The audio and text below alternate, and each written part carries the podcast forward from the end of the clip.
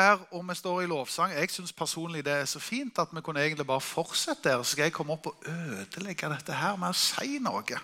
Kanskje flere som tenker det. Vel, vi har gjort det sånn her på gudstjenestene at vi både synger og ber og presenterer litt av hvert, men vi taler også Guds ord, og nå er det tid for å tale Guds ord. Og På høst- og vårparten så starter vi alltid sesongen eller semesteret med å løfte opp en overskrift som liksom står som en stor overskrift for det halvåret vi er inne i. Og denne, Dette halvåret så har vi valgt denne overskriften. Hallo, vi lever i 2022. Og Hvis du er gjest her eller litt ny, så tenker du jeg håper ikke jeg har kommet til Betel for å høre at vi lever i 2022. Akkurat det visste jeg. Så da har jeg liksom, det blir litt waste of time å sitte her og høre at vi lever i 2022.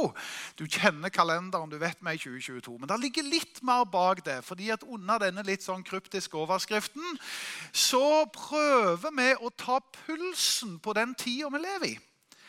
Og så prøver vi å si noe om enkelte områder som muligens er litt på kollisjonskurs med det vi kan kalle Bibelen eller Guds rike.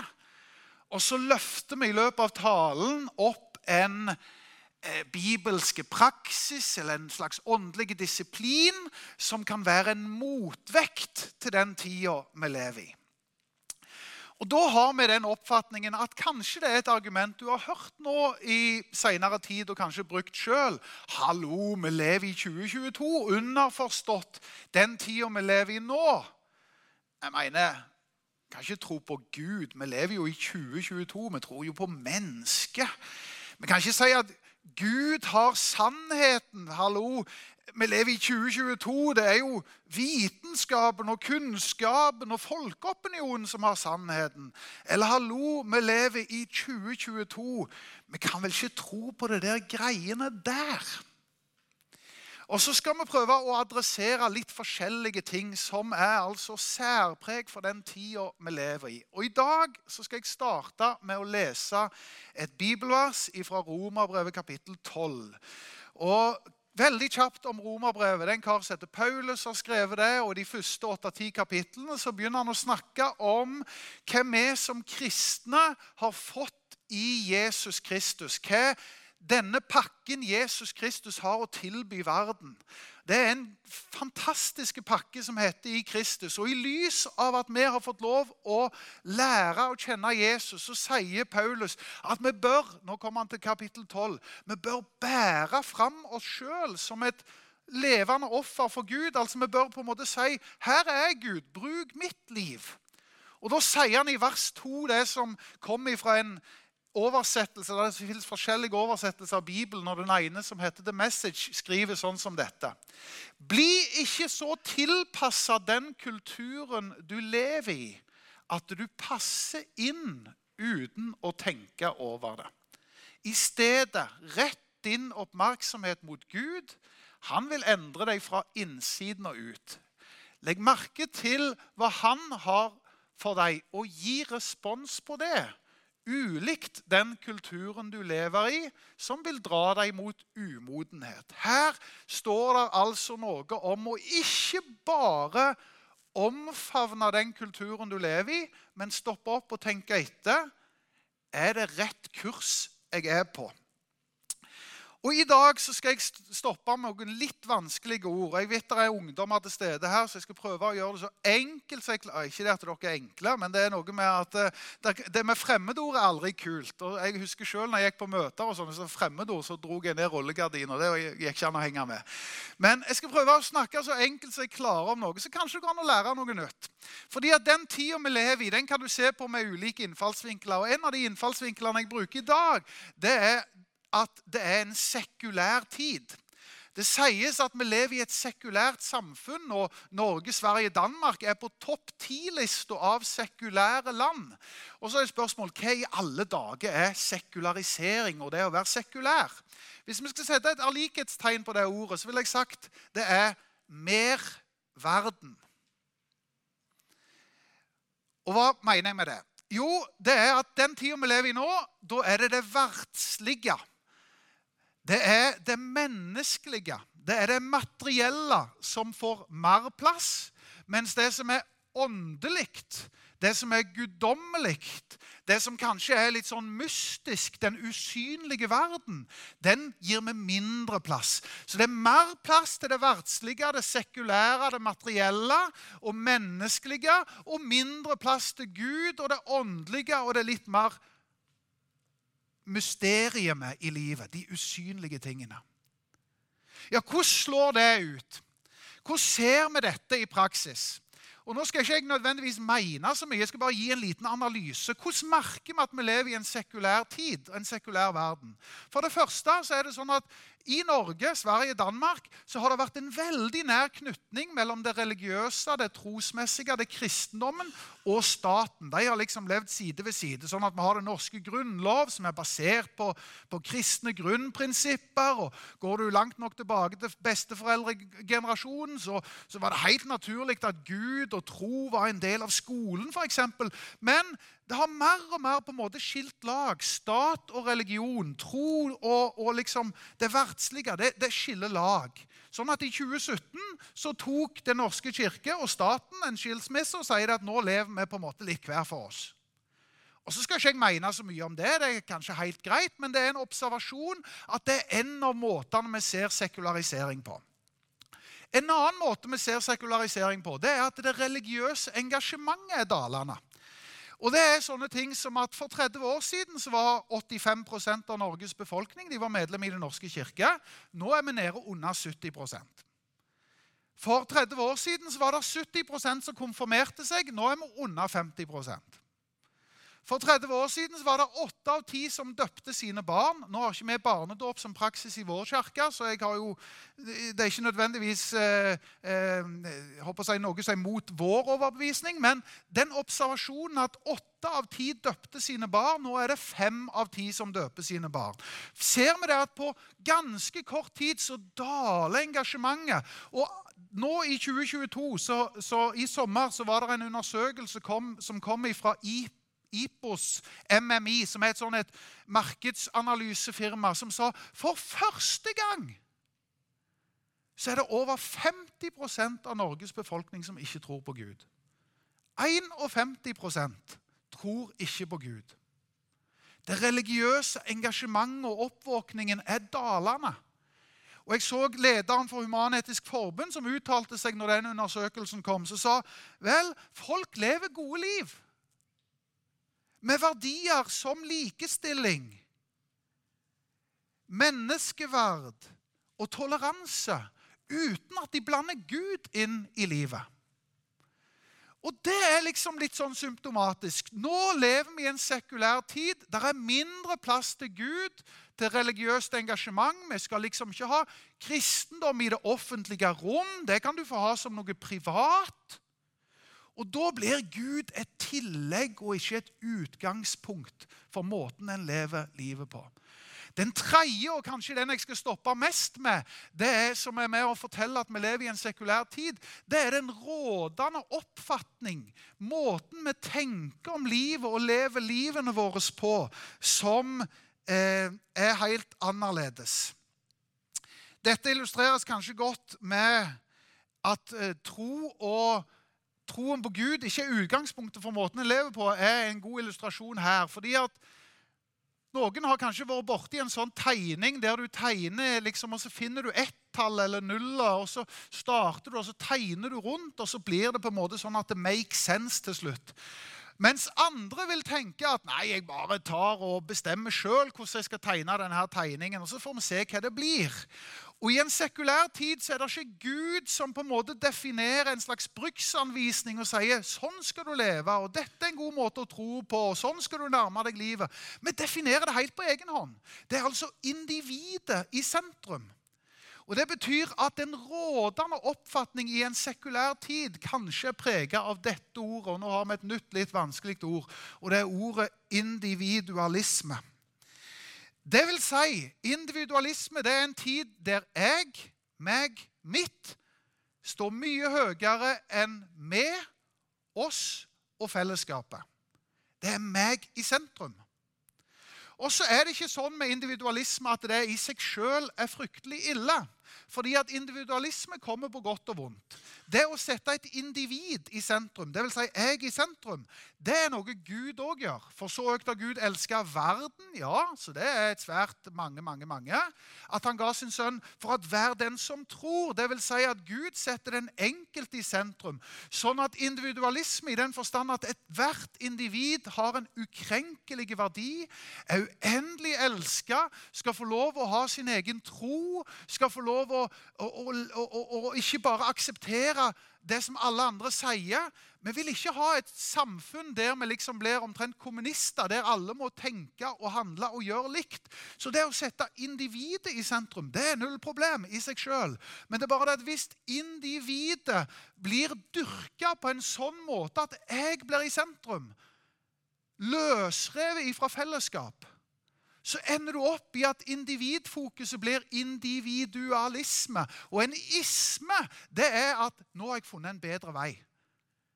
Jeg legger meg ikke på den veien som kanskje Bibelen gir meg, men nå har jeg funnet min egen vei. Det er meg sjøl i sentrum. Det er 'jeg har fått en bedre måte å tenke om livet på. Altså I en sekulær tid så er det rådende tankesett som er med og bestemmer hvordan vi lever livene våre. Og der er individualismen et veldig godt eksempel på det. Individualismen som kan veldig fort, når du dyrker den, bli til egoisme.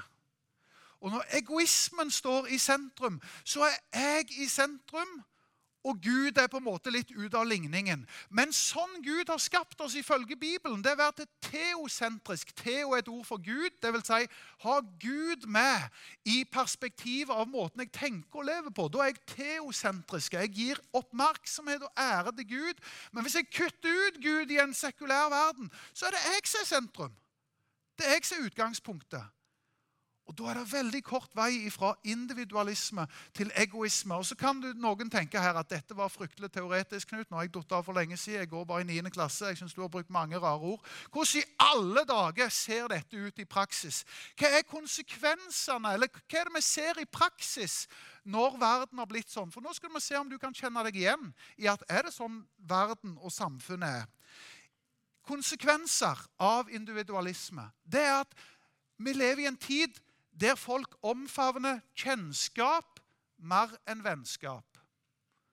Hvor mange venner har du, eller følgere på sosiale medier? Du kan ha hundrevis og tusenvis. Hvor mange nære venner har du? Nei, omtrent ingen.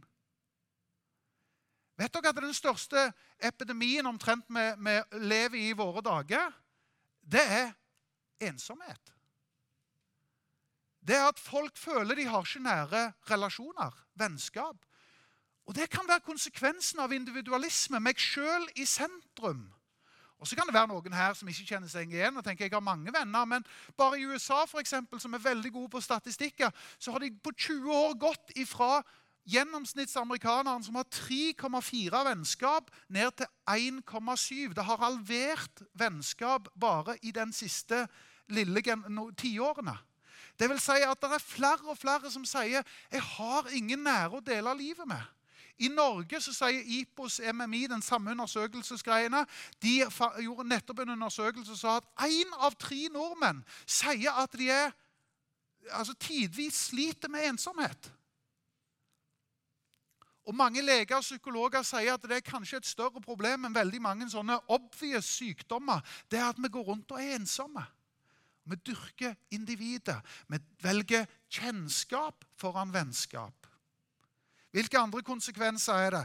ser Vi det på? Vi ser det bl.a. med at vi velger løse forbindelser istedenfor faste forhold.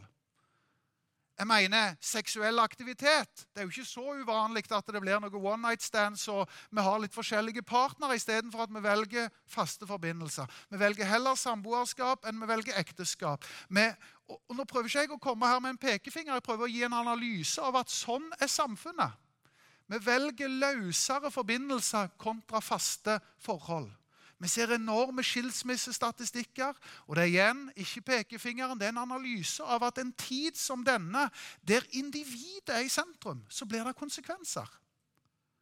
Og så er spørsmålet Merker vi det på arbeidslivet, f.eks.? For, eksempel? for nå har jeg snakket om samliv og nå har jeg snakket om vennskap. Merker vi det i arbeidslivet? Vel, der kanskje mer kollektivistiske eh, folkeslag er litt sånn OK, hva betyr det å være trofast på en arbeidsplass? Hva betyr det å stå over tid? Hva betyr det gruppens gode? Mens hva er det som er preger en, en individualistisk tid? Det er min trivsel, min lønn, min karriere. Sånn at jeg hopper gjerne til neste jobb hvis jeg får litt bedre lønn. Hvis jeg får det litt greiere. Altså jeg sjøl er i sentrum istedenfor fellesskapet. Og så må jeg spørre meg sjøl påvirker dette kristen tro. Ja, fordi at den individualistiske oppfatningen den tar vi inn når vi også skal tenke og tro. Troen på Gud. Nei, jeg mener Jeg har min egen tro. Jeg tror på Gud, men jeg tror ikke på Jesus. Eller jeg tror på Jesus, men jeg tror ikke han sto opp fra de døde. Eller jeg tror han sto opp fra de døde, men jeg tror ikke han er min frelser. Altså, Vi snekrer sammen vår egen tro istedenfor å omfavne den klassiske tro. Fordi at jeg, kjent, jeg kan jo bestemme sjøl. Jeg er jo i sentrum. Så jeg snekrer min egen tro. Merkes dette blant oss som er kristne, og som til og med går på Betel? Ja, fordi at vi vil være kristne på vår måte. Og det å bygge fellesskap i en individualistisk tid, det er kjempevanskelig.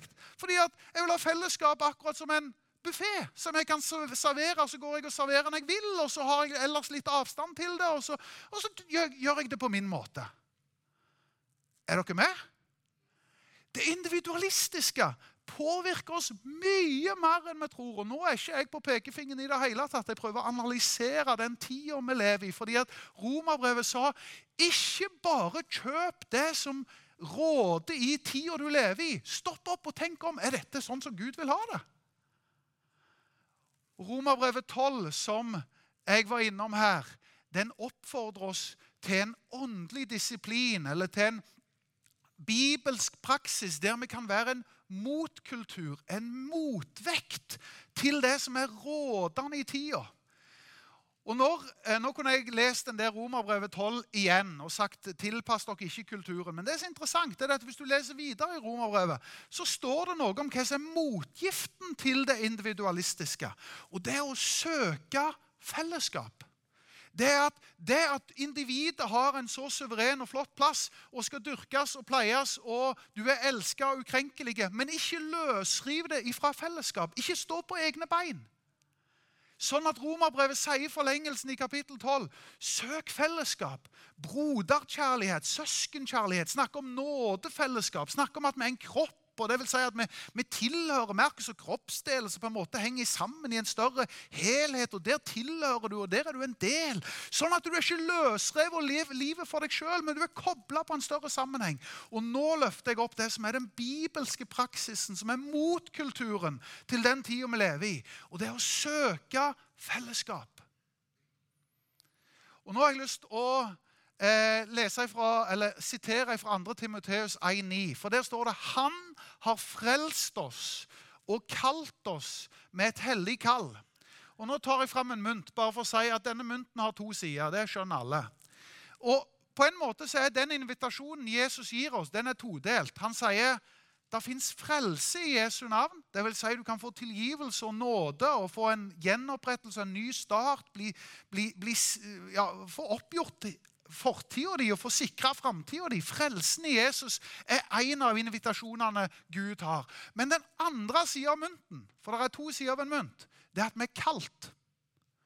Og Spørsmålet er hvem er det som er kalt? Jo, det er sånne misjonærer og sånne ting. Nei, alle mennesker er kalt. Og Guds store kall som hviler over oss, alle sammen, det har minst tre dimensjoner. Det er at vi er innkalt, og så er vi sammenkalt, og så er vi utkalt. Hva mener jeg med det?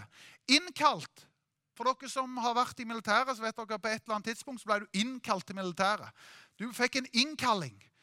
Og Guds innkalling til oss, det er til fellesskap med Jesus Kristus. Første Korinteren 1,9 sier at dere er kalt til fell fortrolig fellesskap med min sønn Jesus Kristus.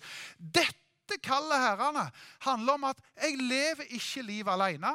Jeg sørger ikke for å ha meg sjøl som utgangspunkt, men jeg søker et fortrolig fellesskap med Jesus. Og det kallet der, det er vi alle kalt til. Det vil si, det er ikke bare for å få redda seg for evighet, men det har fellesskap med Jesus. Og så er det neste kallet det at vi er sammenkalt. Det betyr at eh, når vi har gudstjenester og samlinger her, så er det egentlig ikke Knut eller lederskap eller noen ivrige som liksom tenker åh, nå må vi fylle salen og få folk her. Dypest sett så er det Gud som kaller oss sammen. Fordi at han sier vi skal ikke leve livet alene.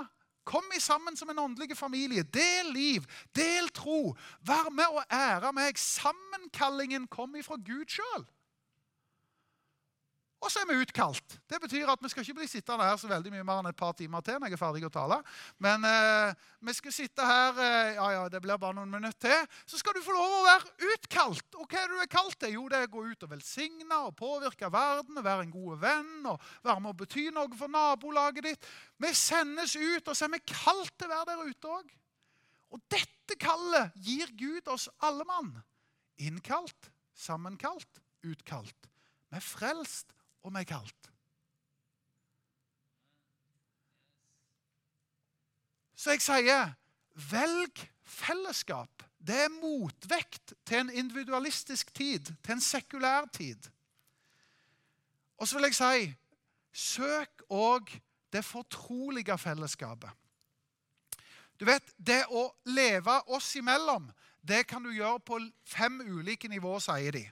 På det aller kall det laveste nivået av kontakt, det er på klisjénivået.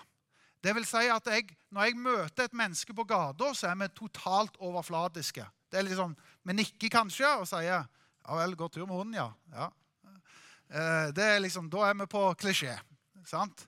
Og fellesskap på sånn klisjé-overfladisk nivå det, det, er jo fint, men det, liksom, det stikker jo ikke veldig dypt.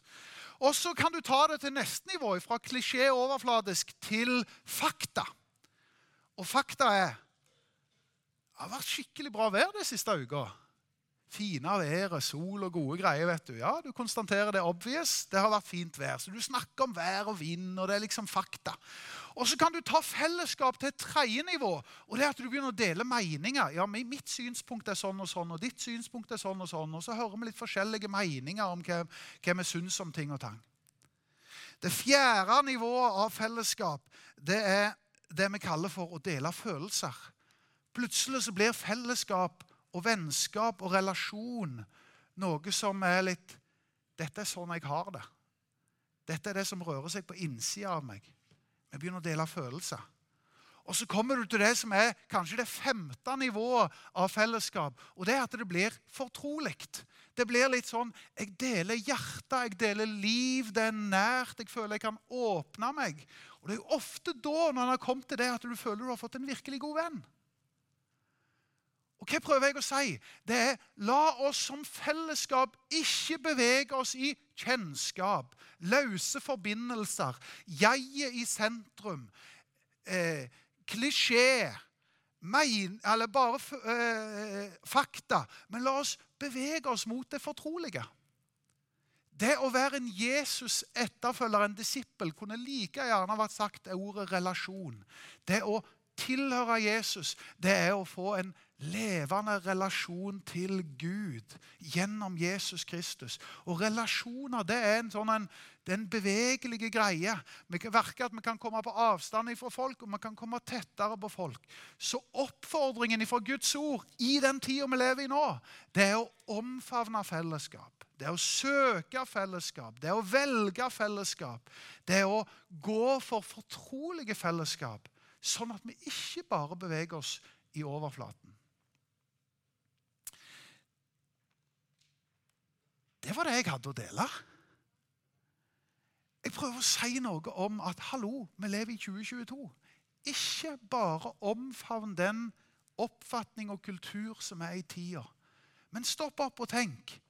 Skal jeg dyrke jeget og individet på bekostning av fellesskapet? Eller skal jeg si jo, jeg er et individ, men jeg er kobla på en større sammenheng. Jeg søker fellesskap med Gud med flokken, med, med min åndelige familie, med venner.